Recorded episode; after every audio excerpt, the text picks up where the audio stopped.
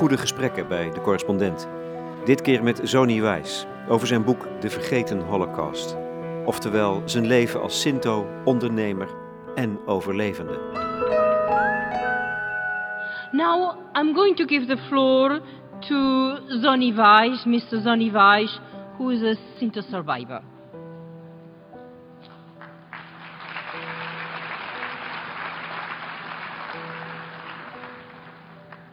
Excellencies, ladies and gentlemen,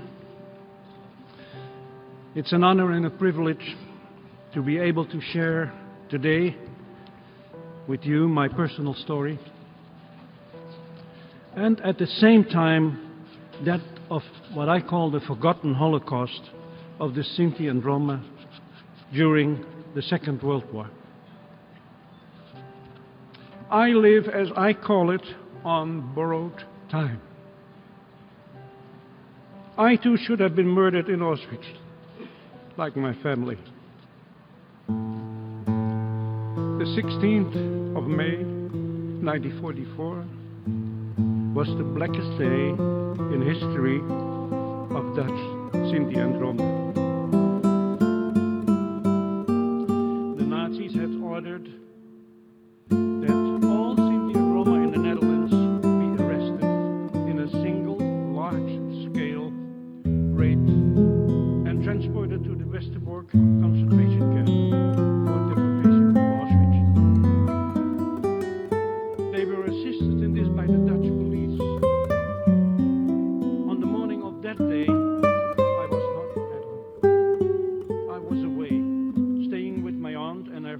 Was een bijzonder ogenblik voor Zoni Wijs. Op 27 januari 2016 sprak hij de Algemene Vergadering van de Verenigde Naties toe, op Holocaust Memorial Day. Wijs sprak over de vernietiging van een half miljoen Sinti en Roma. In de taal van de Zigeuners is dat de Poraimos, de verslinding, door de nazi's. Hij vertelde in New York ook zijn eigen verhaal. En dat is het levensverhaal van een overlevende. In zijn boek De Vergeten Holocaust legt hij op een indrukwekkende manier getuigenis af van de route die hij heeft afgelegd. Hij groeide de eerste zeven jaar van zijn leven op als Sinto, altijd onderweg, altijd buiten, één met de natuur.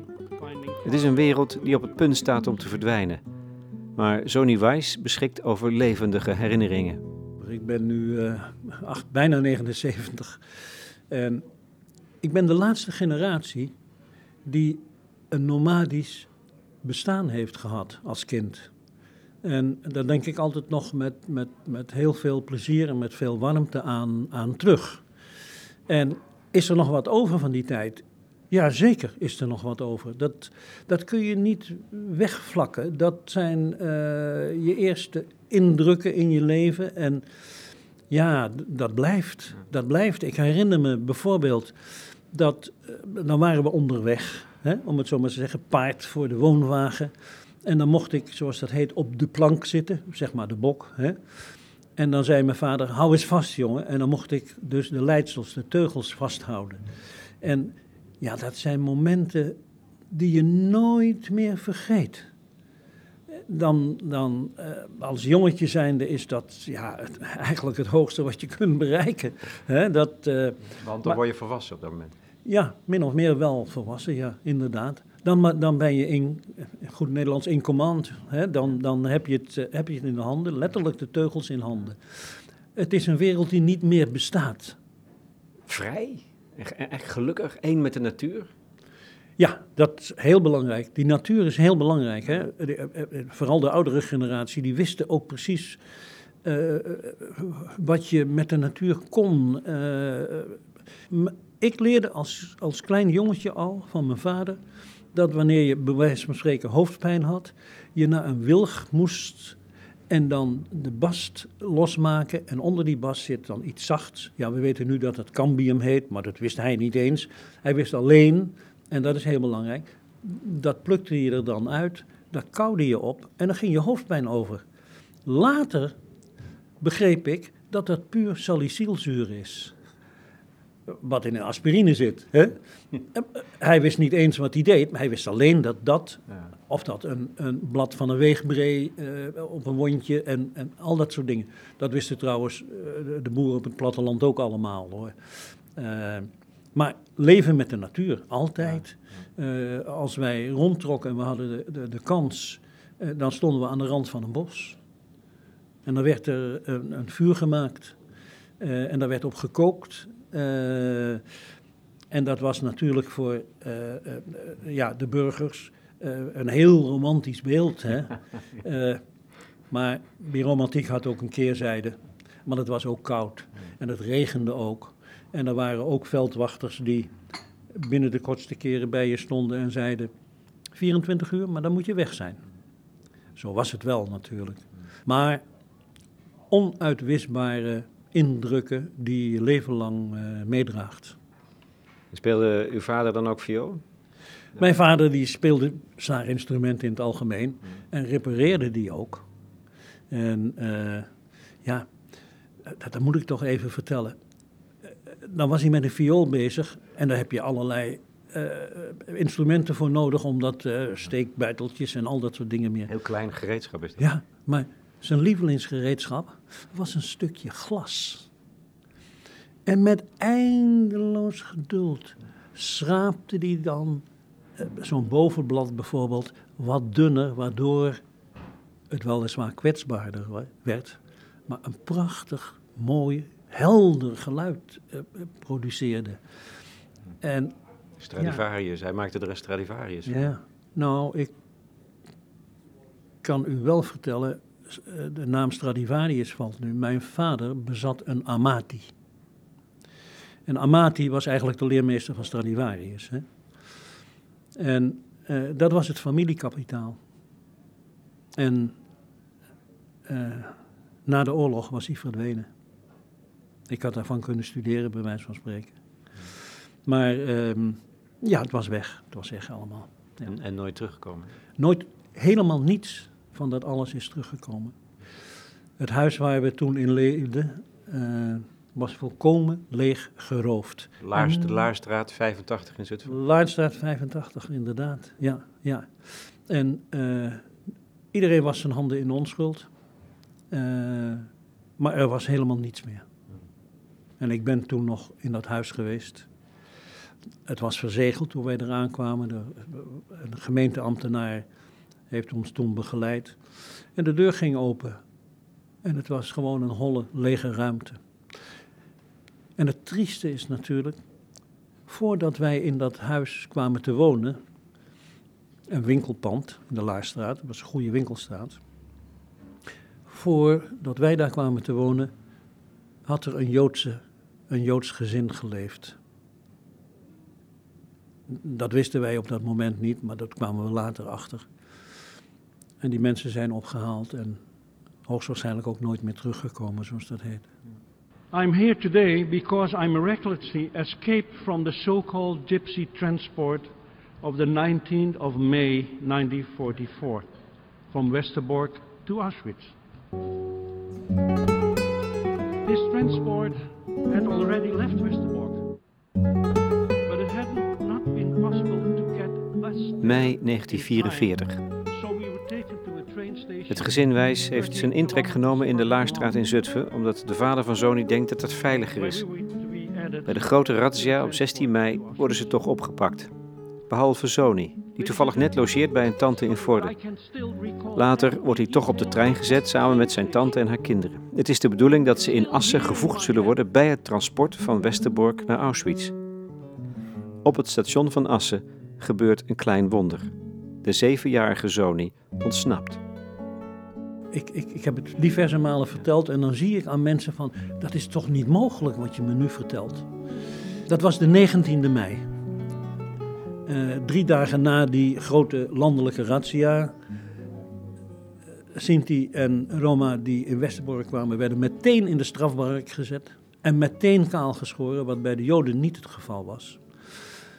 De 19e mei ging dat zogenaamde zigeunertransport van Westerbork naar Auschwitz. Wij konden zo snel niet in Westerbork komen, dus ze brachten ons naar Assen. Daar stonden we op eh, het, het perron. In afwachting van eh, de trein. Iedereen kent die beelden van die veewagons. Daar kwam die trein aan. Ik zag onmiddellijk waar ons gezin zat. Mijn zusje had een heel mooi blauw, zacht blauw uh, jasje. En ik meen het echt, maar als ik nu mijn ogen sluit, zou ik nog kunnen voelen hoe zacht dat jasje aanvoelt. Hè. Het gaat altijd om details. Hè. Dat had mijn vader voor die tralies van die beestenwagen gehangen. Dus daarom zag ik meteen waar ons gezin was. Wij waren steeds begeleid door politieagenten, waarvan er één heel erg goed voor ons was. Ja, alles moest snel, snel, snel, snel, altijd maar en dit en dat. En de bedoeling was dat wij ook in die wagon gingen. Die agent had tegen ons gezegd: Als ik mijn pet afneem, dan moeten jullie rennen voor je leven. En nu komt het bijzondere. Aan de andere kant van dat perron stond een personentrein. Een normale personentrein. Die man neemt zijn pet af. En hoe het mogelijk is, tussen al die soldaten en politieagenten door, zijn wij als groepje mensen in die andere personentrein gesprongen.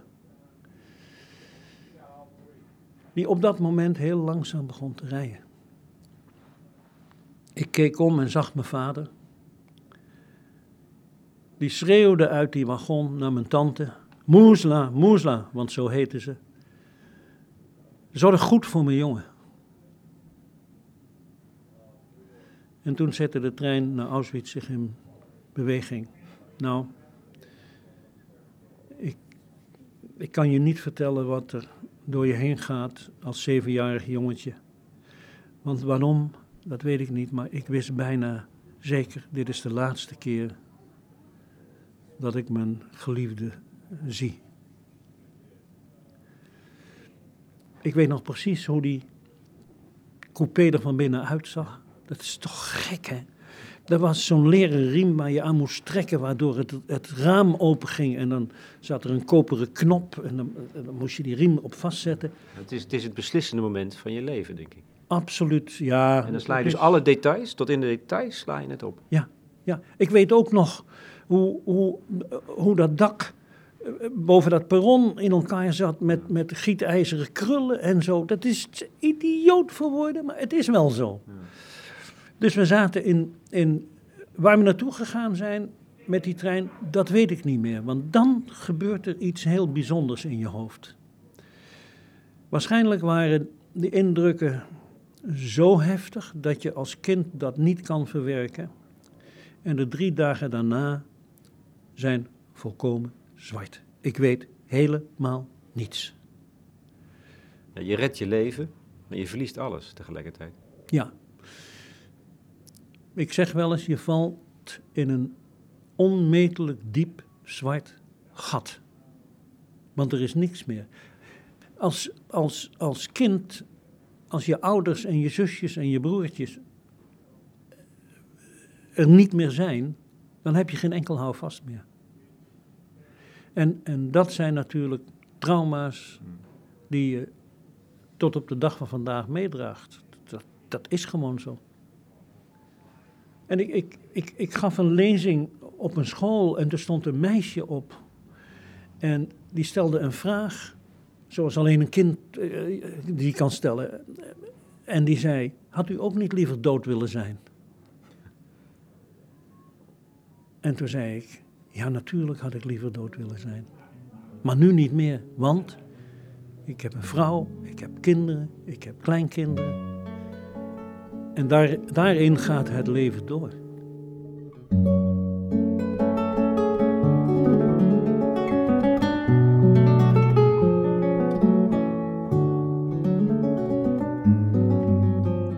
De zevenjarige Sinti-jongen overleeft met hulp van familieleden die ook ontsnapt zijn aan de verslinding. Na de oorlog neemt zijn leven een bijzondere, misschien wel onwaarschijnlijke wending. Via allerlei omwegen rolt hij het bloemenvak in. Met zijn diep gewortelde inzicht in de natuur zal hij later uitgroeien tot een wereldbefaamde bloemsierkunstenaar die Floriades inricht, musea opluistert en koninklijke bruiloften die Nederland vertegenwoordigt in het buitenland. Maar hij begint in de bloemenzaak De Eeuwige Lente van Herman Derksen in Apeldoorn. Nou, je bent een heel gelukkig mens als je in je leven mensen tegenkomt die je bij de hand nemen en in de goede richting eh, doen. En deze man in Apeldoorn, Herman Derksen, ja, die verdient de stoel in de hemel aan mij. Want ik was een, moeilijk jongetje, eh, waarschijnlijk begrijpelijk, maar goed, het, was nou eenmaal zo. En ik kwam daar als uh, fietsjongen om bloemen te bezorgen. Maar ik vond het zo mooi wat die man met, met bloemen deed enzovoort. En de man herkende ook in mij, uh, laten we zeggen, dat ik talent had voor dat vak. Ik had talent voor kleuren, voor vormen en, en, en sferen enzovoort enzovoort. Geuren? En geuren vooral. Mijn allereerste indruk toen ik uh, in die bloemenwinkel kwam was... Wat heerlijk, wat ruikt het hier heerlijk. En dat is mijn hele leven bijgebleven. Hè? En die man die zag dus wat in me. Kijk, Derksen, zoals ik dat noem, trok zich mijn lot wel aan. En uh, dat is... Uh, ja, die man die is zo belangrijk voor mij geweest. Hè, dat hij me op het rechte spoor gezet heeft. Ondanks het feit dat ik te, tijdens mijn werk voor hem allerlei dingen gedaan heb die niet deugen. Weggelopen naar, uh, naar mijn familie en, en nou ja, iedere keer, want het was een, zo'n man, zo'n ruwe, bolster, blanke pit. Hè. Iedere keer werd mijn huid vol gescholden enzovoort, maar dan mocht ik toch weer beginnen. Hij zei, ja, als je wat wil, dan moet je naar school. En hij stuurde, stuurde me naar avondschool weliswaar, want moest overdag werken. Eerst de tuinbouwschool, toen uh, uh, cursussen uh, bloemschikken. hij zorgde ervoor dat ik een soort stage op Paleis het Loo mocht doen. Hè, bij tuinbaas Berendsen destijds. Waar ik dan bloemschikles van kreeg. Geweldig. Tot het moment dat ik een oproep kreeg voor dienst. En ik ging dus naar het gemeentehuis en ik had gehoord dat als je vader in de oorlog omgekomen was, dat je dan niet in dienst hoefde. Dus ik kwam bij dat loketje en er zat een uh, meneer achter dat loketje. En ik zei, nou, ik heb oproep voor dienst gehad, zo en zo. Uh, en ik heb gehoord uh, dat als je vader in oorlog is omgekomen, dat je dan niet in dienst hoeft. Toen zei hij zoiets van, en is je vader gesneuveld? Ik zei, nee, die is in, in het concentratiekamp omgekomen. En toen zei die man, dat telt niet. Hartelozer, hartelozer kun je dus niet zijn. Dat hè? telt niet. Het telt niet. Toen kreeg ik een soort waas voor mijn ogen en ik werd pas weer wakker toen ik de man half door dat loket getrokken had. Dat is dan ook weer zo'n moment, uh, uh, ja, bijna bepalend. Het is een van de zeldzame incidenten die een glanzende carrière niet in de weg zullen zitten. Na zijn diensttijd in Suriname notabene, ah, de natuur, komt hij terug bij Derksen in Apeldoorn, die hem opnieuw een zet geeft. Hij houdt het jonge talent niet voor zichzelf, maar stuurt hem door naar George Kiers in Amsterdam-Zuid. En dat is een beslissend moment. Want in 1960 was de eerste Floriade in, in Rotterdam, daar is de Euromast voor gebouwd. En Kiers werd daar de hoofdarrangeur van. En ik was heel gelukkig. Ik mocht dat jaar met hem meelopen, zoals dat heet, als zijn rechterhand. Nou, ik ben als een spons. Ik heb dus dat allemaal opgezogen. Hoe dat in elkaar zat, hoe de ontwerpen gemaakt werden en, enzovoort, enzovoort hoe het vooral logistiek in elkaar zit. Want het is altijd een heel hoog, groot logistiek kunstje hoor, om zoiets in elkaar te draaien. En uh, ja, fantastisch. Toen wilde Kiers zijn zaak verkopen. Uh, en we hadden een chef en uh, nou ja, een heleboel personeel. Dus ik, ik, dacht er helemaal niet aan dat ik dat. Maar hij zag wel wat in mij. Ik was 24 jaar oud. En ik had 48 gulden in mijn zak. En ik kocht de zaak. Wat had ik te verliezen? 48 gulden.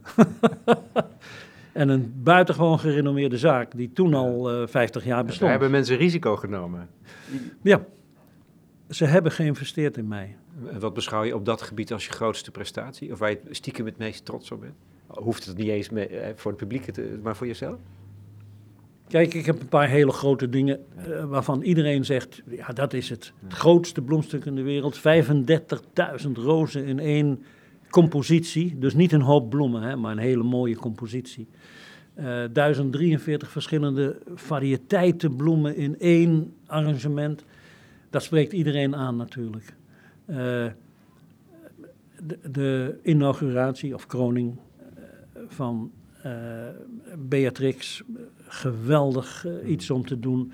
De huwelijken van de prinsen, eh, Maxima en Alexander, hele grote dingen. Maar bij mij zit het altijd in een detail.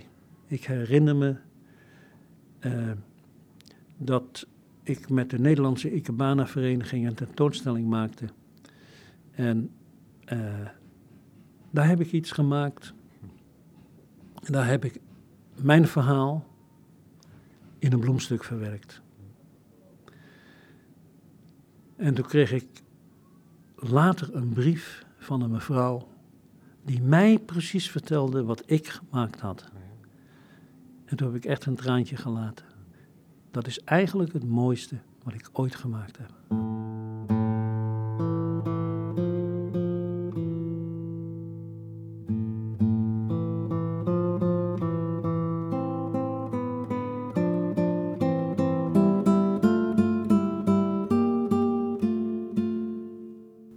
Twee werelden, twee gescheiden werelden in jou, denk ik. En het, en, en het succes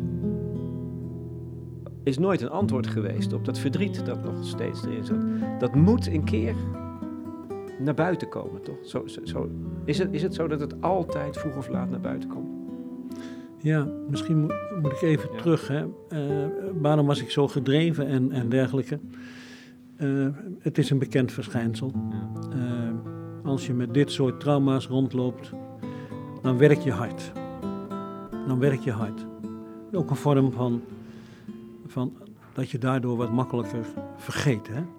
Dat is- Dat is een heel bekend iets. Hè? Dat is niet alleen bij mij, maar ik heb daar veel over gelezen ook. eh, eh, mensen die alles verloren hebben en dan door werk juist eh, eh, het verdringen. Hè?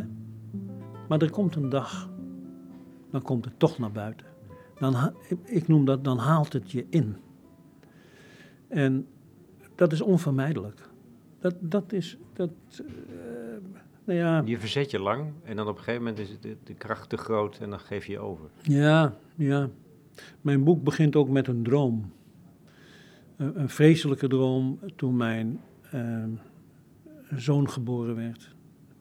Die ik dan op een dodenmars, die ik zelf nooit gelopen heb, maar die ik dan op een dodenmars in mijn armen heb. En hij wordt maar zwaarder en zwaarder en zwaarder. En ik kan hem niet vasthouden en ik laat hem uit mijn handen glippen. De angst om weer iemand te verliezen. Eh, ja, die is dan zo groot dat dat in je droom terugkomt. En daar heb je zelf geen enkele controle op. Hè? En dan begint het proces. Absoluut. Een lang, lang proces. Wat ik een van de mooiste beelden vind, is de vijver in Auschwitz-Birkenau Ja, met de berken. ja, Want eigenlijk kom je daar, het begint volgens mij vanaf, dit, vanaf die droom, begint een weg, naar mijn idee, van misschien wel 30 jaar, ik weet niet hoe lang, Ja. die eindigt daar. ja bij dat vijvertje is eh, heel veel op zijn plaats gevallen. Kijk, ehm, dat vijvertje ligt helemaal achter in Birkenau. En heel veel mensen zien dat vijvertje nooit omdat het zo ver weg ligt bij crematorium nummer 5. Mijn moeder en, en mijn zusjes en mijn broertje eh, en andere familieleden, die zijn in de nacht van 1 op 2 augustus vergast. Hè. Toen is het hele zogenaamde Zigeunerlager in één nacht vergast. En zijn eh, in crematorium eh, eh, nummer 5 nou ja, door de schoorsteen gegaan, om het zo maar te zeggen. De as van die mensen is in dat vijvertje gegooid. En dan sta je daar bij dat vijvertje. De meest vreedzame plek die ik me kan voorstellen. het heet niet voor niks Birkenau. Daar staan, dat is een berkenbosje, zeg maar. En je hoort de wind door de berken ruisen. En je kijkt in dat vijvertje, een prachtig vijvertje. Met plantjes en dingetjes aan de rand. Met kik, letterlijk met kikkers erin die kwaken. En dan kun je je niet voorstellen dat dat daar gebeurd is. En ik beschouw dat vijvertje als het graf van mijn familie. Ik, uh, een enkele keer neem ik groepen jongeren mee en die leid ik dan rond in Birkenau. En ik stond daar met een hele groep jonge uh, Roma en Sinti uit alle delen van de wereld. En ik had ze verzameld rond dat vijvertje. En ik vertelde mijn verhaal. En toen werd het zo doodstil. Dat, dat je inderdaad die blaadjes van die berken kon horen ritselen. En ineens merkte ik, viel bij heel veel jongeren het kwartje. Dan vallen dingen op zijn plaats en dat geeft je een zekere rust. Letterlijk wat je zegt, dat het op zijn plaats valt, dat het een plek heeft. Ja. Ja. ja, dat is heel belangrijk. Dat geeft je rust. I personally know where racism, discrimination and exclusion can lead. I'm the sole survivor of my immediate family. Ik heb vorige week in de Verenigde Naties een toespraak gegeven. En voor het eerst van mijn leven was ik zo geëmotioneerd dat ik aan het begin van de toespraak. I lost my parents. Het even niet meer kon. En ik zal heel eerlijk zijn, letterlijk een traan over mijn wangen biggelde. Want ineens was ik dat zevenjarige jongetje wat op het perron stond. Ineens. Hoe kan dat nou? My sisters, my little brother.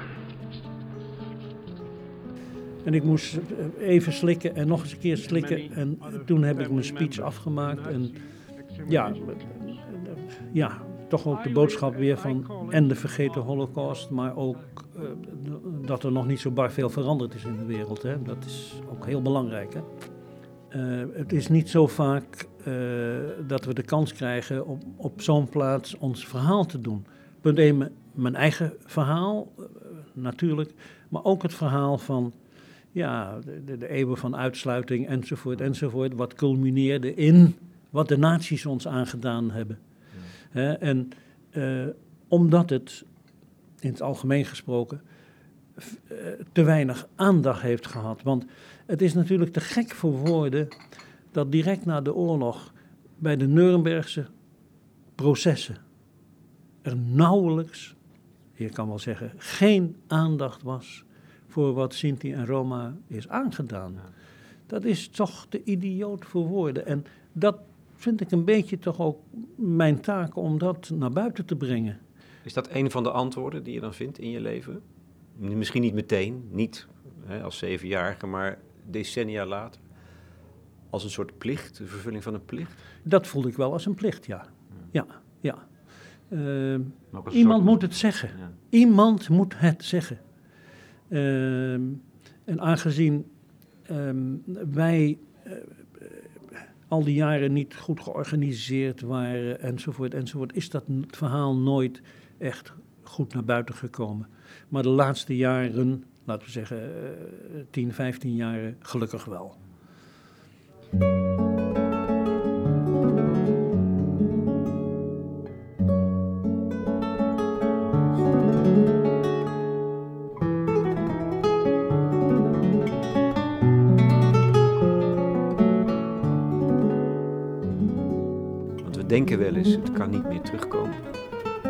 Jij dat ook? Ik ben ervan overtuigd dat het terug kan komen als wij ons niet met alle beschikbare democratische middelen verzetten tegen dit soort verschrikkelijke ideologieën die aan de basis liggen van, van zoiets als de Tweede Wereldoorlog. Want het, het begint altijd met zo'n ideologie van wat ik dan noem een idioot, of die nou Adolf Hitler of anders heet. Hè. Uh, en dan, dan doen zich het mechanisme voor van de medelopers en de wegkijkers. Die wegkijkers die denken, oh het zal zo vaart niet lopen, het is mijn pakje aan niet. Hè? En de medelopers die, uh, ja, soms opportunisten en die denken een kans te kunnen grijpen. Tot het web zich sluit. En, zich tot, en ze tot de ontdekking komen dat ze zich niet los kunnen maken uit dat web. Dat ze dan deel zijn van de verschrikkingen. En, en dat is dat mechanisme waar ik zo bang voor ben. en wat, wat op het moment ook gaande is. Nou ja, dat, dat, dat, dat wou ik natuurlijk vragen. Wat zie je dan nu om je heen? Nou ja, figuren als. Uh, kijk, rechtsextremisme is. Hè, uh, uh, nou ja, noem maar namen, Wilders en, en, en nou ja, wat in Frankrijk gebeurt. Maar landen als Hongarije, waar Orbán en zo aan de macht is. Hè, en waar Joden, Sinti en Roma gemolesteerd worden en zelfs vermoord worden. Nu, nu. En die mensen die zijn lid van de Europese gemeenschap. Die, die noemen zichzelf beschaafd. Maar beschaving wil zeggen dat je respect hebt voor mensen en mensenrechten. En dat mankeert er nogal aan. In heel veel landen, met name Oost-Europa, het is toch on, onbegrijpelijk dat, dat, dat er landen zijn waar Roma in ghetto's leven nu, waar een muur omheen staat dat ze in Roemenië op vuilnisbelten moeten leven. Dat is verschrikkelijk. En ja, dat moet toch niet kunnen in een beschaafde wereld. Ben jij ervan overtuigd dat er in Nederland, en dan is het iets wat, wat, wat een soort stiekemere werking heeft, um, omdat het lastiger te, te, aan te wijzen is, maar dichter bij onszelf zit, ook al weet het helemaal niet, dat er sprake is van een soort van wat um, mensen als Zini Eusdiel institutioneel racisme noemen? Dat weet ik. Ik vind dat een hele moeilijke vraag. Ik vind dat een hele. Ja, misschien wel, ja. Ja. Ik vraag het vanwege de geschiedenis van je eigen volk, hè, die je beschrijft in het laatste hoofdstuk. Want dat, is, dat, is, dat is een proces van eeuwen ja, natuurlijk is het proces van eeuwen van, van uitsluiting, stigmatisering, uitsluiting, hè? Uh, progroms zelfs. Hè? Uh, wat dat betreft, parallel met de Joden, heel groot. Hè? Ja. Uh, bepaalde groepen uitsluiten en beroven van alles wat ze hebben. Ook hun waardigheid, hè? vaak. En toch aarzel je. Toch wil je het niet zo benoemen. Waarom niet? Nee, institutioneel racisme. Eh, wat moet ik daar eigenlijk onder verstaan dan? Ja. dat is voor mij het, het grote probleem. Maar ja, uh, al die rechtse extremisten die nu uh, hun kans grijpen.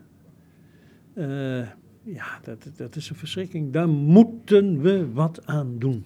Ik weet eigenlijk ook niet wat ik ermee aan moet. Hè? Nee ze worden altijd als zondebok gebruikt hoor.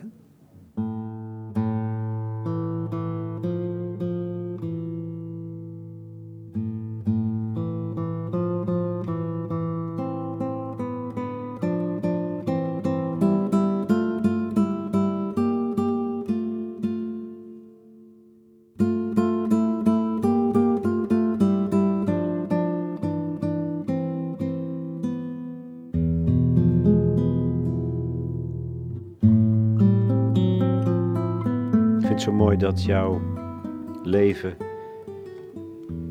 in het teken staat. Eh, eh, eh, je, je vertelde het verhaal over het kopen van die winkel voor, wat was het? 48, 48 gulden. Ja, het was een beetje meer hoor. Maar... Ja, ja, snap ik wel. Jaren, hij was iets meer waard ook. jaren 60. Jaren 60. Flower power. Ja. Eigenlijk, volgens mij had je er helemaal niets mee te maken met die hippies, maar jouw leven is eigenlijk, spreekt uit alle poriën van flower power. Absoluut. Ik, ik heb ja, het zachtste wat er is, maar met een enorme kracht. Een enorme kracht. Dat is onvoorstelbaar. En weet je wat nou zo aardig is? Hier, hier op tafel staan twee prachtige witte rozen. Ik bedoel, ja, dat is van de schoonheid. Dat hou je niet voor mogelijk. En dat is de kracht, hè? Dat is de kracht. De schoonheid. Ja, absoluut. Absoluut. Ja, deze roos heet Avalance. en uh, met enige trots zeg ik dat ik die roos populair heb gemaakt. Want voor het huwelijk van uh, Alexander en Maxima, toen was die roos net uit, zoals dat heet. En ik zag hem, toen dacht ik, die moet ik daarin verwerken. En ik heb die roos verwerkt en het was meteen letterlijk wereldnieuws in de bloemenvakte althans. Uh, want dat is van een schoonheid als die open gaat, dat is onvoorstelbaar. En daar raak ik altijd nog opgewonden van als ik dat zie. Maar ook van een heel klein lelijtje der dalen. Die zo'n ingetogen schoonheid heeft. En een geur, dat is natuurlijk fantastisch.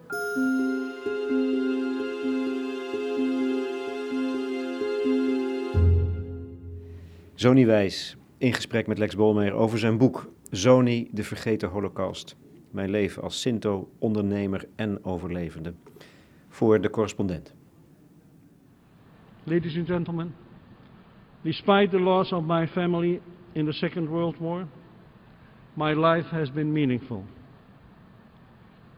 With the help and love of my wife, she sits over there,